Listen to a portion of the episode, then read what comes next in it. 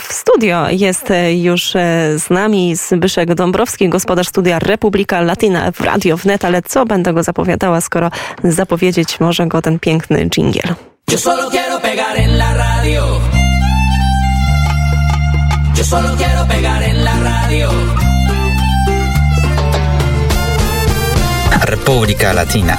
Latynoski głos pod każdą strzechą.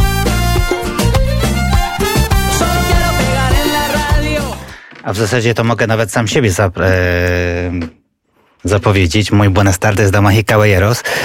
E, przechodzimy do Ameryki Łacińskiej. Odpocznijmy sobie, tak jak powiedziała Jaśmina, troszkę od problemów granicznych e, polsko-białoruskich, aczkolwiek chciałbym e, informację z Ameryki Łacińskiej również rozpocząć od tematu imigracyjnego. Proszę Państwa, Ameryka Łacińska, Stany Zjednoczone, ten problem migracyjny jest długi no pewnie jak historia, niemalże jak e, historia niepodległych państw, e, a już na pewno jak e, historia od co najmniej czasów II wojny światowej. Imigranci z Ameryki Łacińskiej usiłują się przedostać do Stanów Zjednoczonych, czy to imigranci z Meksyku, czy imigranci z Kuby, czy z Haiti, czy z Ameryki Środkowej. I ostatnio taką, nazwijmy to, hmm, w cudzysłowie takim e, modnym, e, modnym sposobem przedostawania się są tak zwane karawany imigrantów. To znaczy imigranci z Ameryki Środkowej przede wszystkim, ale również e, z Haiti i Kuby, z racji tego, że mm, z tych państw nie ma możliwości bezpośredniego przedostania się do Stanów Zjednoczonych. E, zgrupują się w takie mm, wielkie mm, zespoły ludzi, można tak powiedzieć, liczące kilkaset lub nawet kilka tysięcy osób. Przechodzą przez Meksyk, e, przechodzą przez granicę meksykańską e, zazwyczaj w okolicy miasta Tapachula w stanie Chiapas na południowym kraju i dalej kierują się na, na północ. Bardzo często bywa tak, że organizacje pozarządowe meksykańskie usiłują pomóc imigrantom przedostać się do Stanów Zjednoczonych, no i tu się pojawia problem.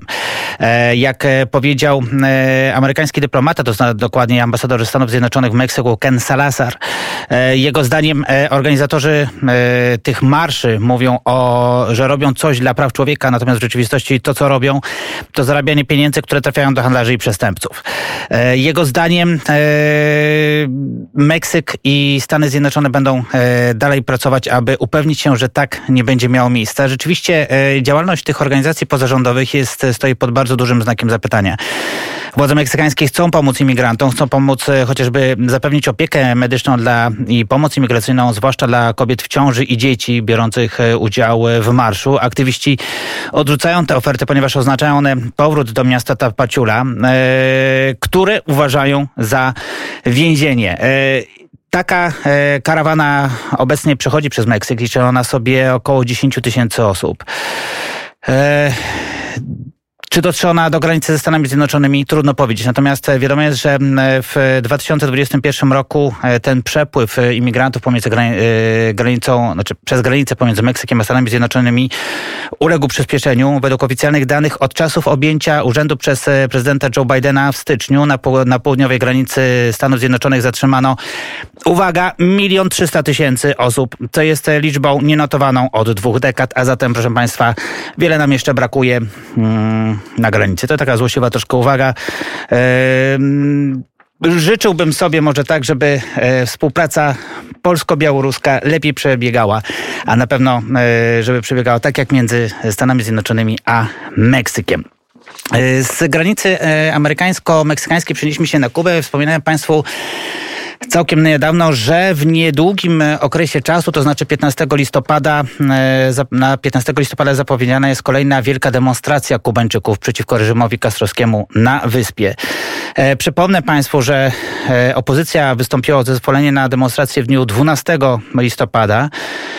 Natomiast rząd odpowiedział ze swojej strony, rząd, reżim kastrystowski odpowiedział ze swojej strony dekretem o ustanowieniu tego dnia Dniem Obrony Narodowej, poprzedzonego dwudniowymi ćwiczeniami wojskowymi.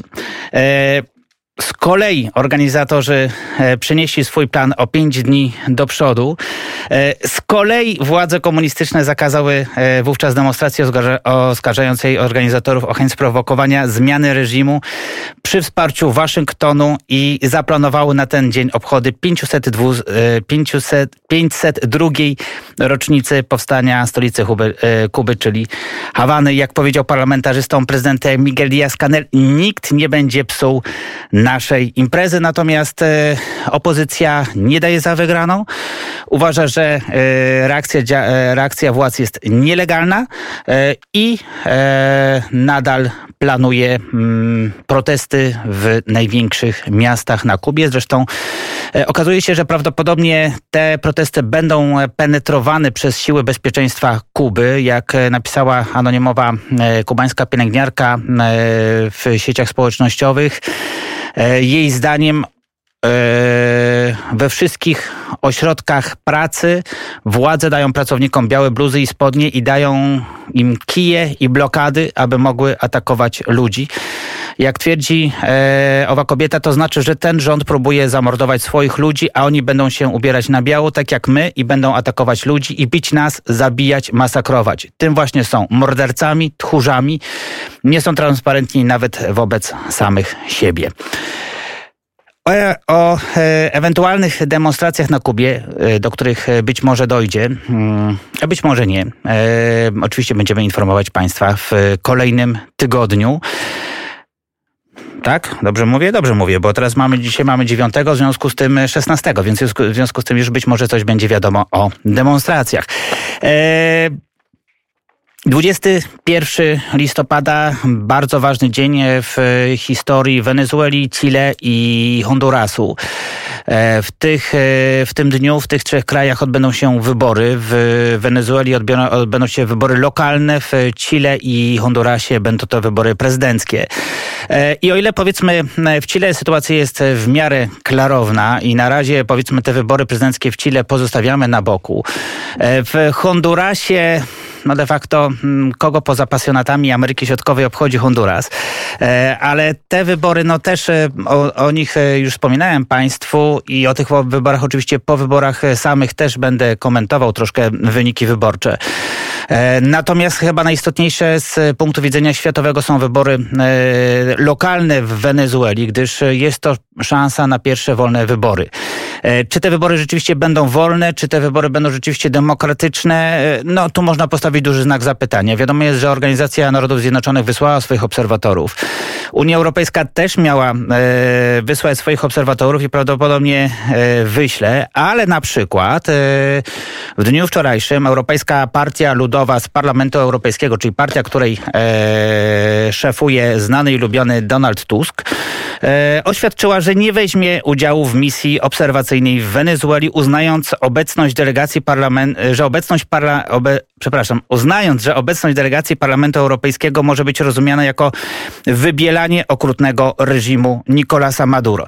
De facto, proszę Państwa, e, przebieg tych wyborów i ich wyniki pokażą, czy rzeczywiście rozmowy, które prowadziły się pomiędzy reżimem e, ciawistowskim, reprezentowanym przez e, dyktatora Nicolasa Maduro, a opozycją wenezuelską rzeczywiście przyniosły jakiś efekt.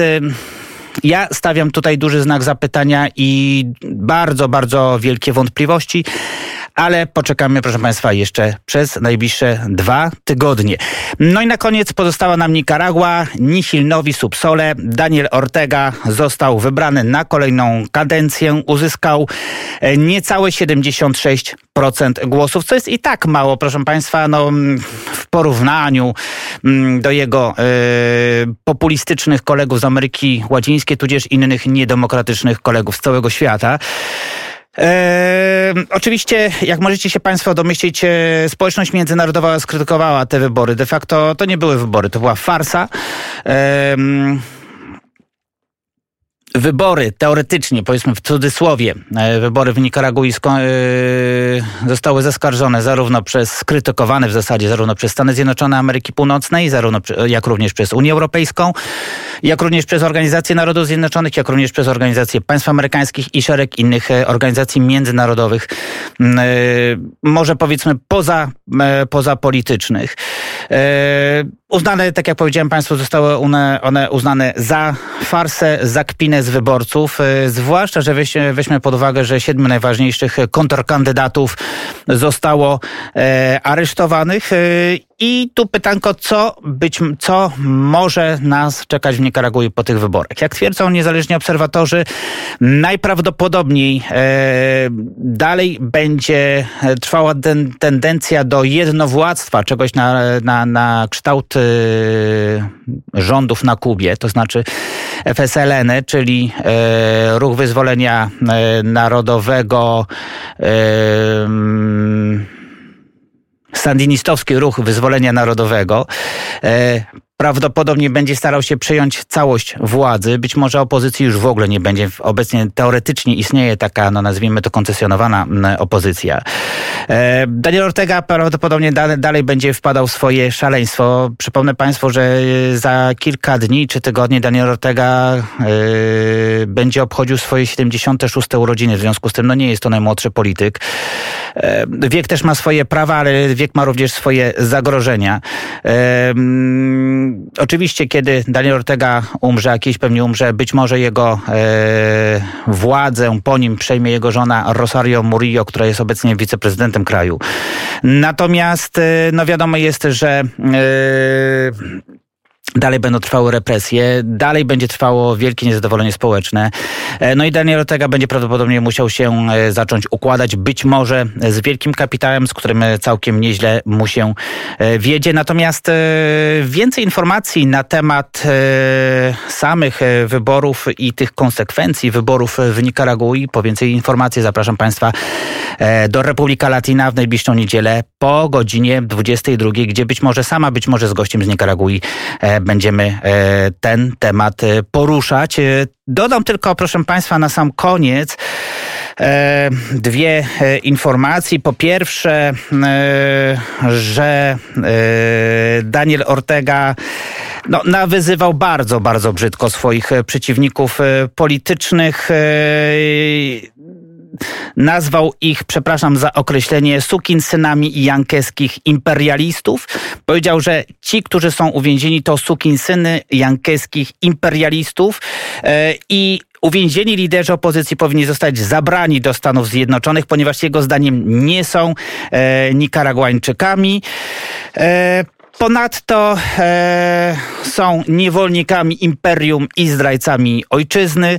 E, zarazem e, Daniel Ortega również e, odwarknął się Unii Europejskiej, a zwłaszcza Hiszpanii. Nazwał ich e, hiszpańskimi władcami, którzy zachowują się jak kolonizatorzy, e, po, którzy powinni się zastanowić, zdaniem Daniela Ortegi, kraje Unii Europejskiej, gdzie rządzą, w krajach Unii Europejskiej rządzą partie faszystowskie, potomkowie frankizmu, Adolfa Hitlera, a większość w parlamencie europejskim e, to faszyści. Jak twierdzi Daniel Ortega, nadszedł czas, aby Europa raz na zawsze zrozumiała, że na tych ziemiach rządzą Nikaraguańczycy, a nie europejskie rządy i nie jesteśmy ich kolonią. Nikt nam nie będzie dyktował, jak mamy się zachowywać.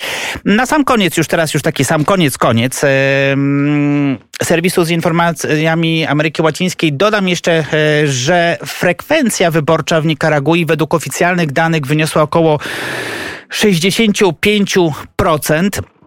Według nieoficjalnych danych, to znaczy głoszonych przez organizacje pozarządowe, e, mówi się o 80% abstencji, proszę Państwa, a więc do wyborów poszło prawdopodobnie około 20%, e, z czego jeszcze większość osób najprawdopodobniej oddała głos pusty, nieważny. W związku z tym, o czym my tutaj mówimy, dziękuję Państwu za uwagę.